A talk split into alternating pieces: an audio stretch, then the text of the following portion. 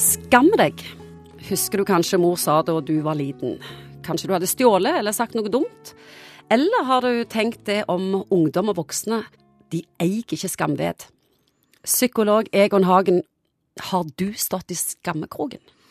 Jeg har vel eh, gjort det. Jeg er såpass gammel at når jeg gikk på barneskolen, så var det noe som heter Skammekroken. Og ideen var sikkert at det skulle være et pedagogisk virkemiddel for at eh, du skulle ta til vettet. Jeg vet ikke om det hjalp. Men... Hvorfor skammer vi oss?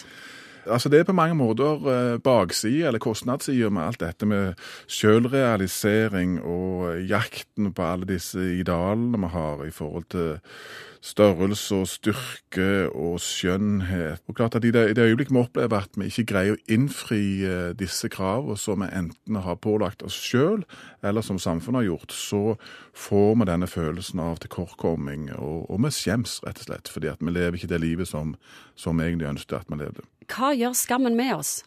Skammen den, den, kan påvirke oss på den måten at, at, du kan trekke deg unna folk. Du isolerer deg. altså Har du opplevd et eller annet som du, synes er, som du skjems over, så kan det godt være at isolasjon og det å avsondre seg fra andre blir en måte å løse det på.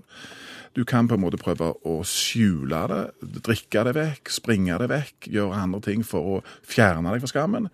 Eller du kan på en måte bli veldig kritisk til andre. Hvis du i utgangspunktet syns at du sjøl ikke er all verden, så er det òg veldig fort gjort at du tenker veldig kritisk for den andre. Når folk kommer til psykolog eller kommer til meg, så har jeg aldri opplevd at folk kommer fordi at jeg sier jeg, jeg sliter med skam. Skammen er på en måte ligger akkurat som et isfjell ganske langt nede egentlig i, i denne psykologiske cocktailen som vi beveger oss rundt i. Og ofte så kommer folk heller istedenfor med rusproblemer, de kommer med ensomhet, at de trekker seg unna folk, blir veldig sjøldestruktive eller veldig kritiske til andre. Det å skjemmes, har det en funksjon?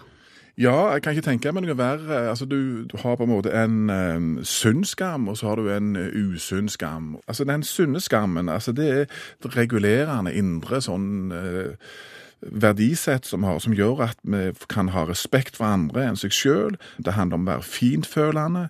Det handler om ikke krenke andre, og ikke minst dette med å ivareta grenser. Skammen er på en måte en regulerende faktor i forhold til å ikke skonsesløst forfølge egeninteresser. Høres ut som eh, en slags egen indre personlige gud? Ja, Gud, eller eh, hva var det Freud ville kalt det?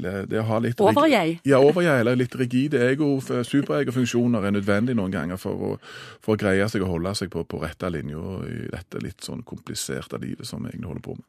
Og Det som nok skjer nå i vår tid, er at uh, det er på en måte en, tror jeg, en, en, en kamp mellom disse gamle dydene om, om tekkelighet og beskytte privatlivet, samtidig som det er et enormt press tror jeg, på ungdommen i forhold til å få likes, være attraktive og gi etter for dette enorme internettbaserte presset som ungdommen i dag opplever. Og Derfor er det sånn at noen ganger, spesielt i ungdomstida, hvor du kanskje ikke alltid er like flink på å se langsiktige konsekvenser av ting, du er impulsiv, du gjør ting i løpet av et split second, plutselig så har du sendt av gårde det bildet som du absolutt ikke skulle ha sendt av gårde. Så Jeg tror det er litt sånn tida vår. Vi står liksom med én fot litt grann i teknologi og muligheter der, samtidig som det er, bør fortsatt òg være en fot i forhold til det å Ja, hva sømmer seg egentlig?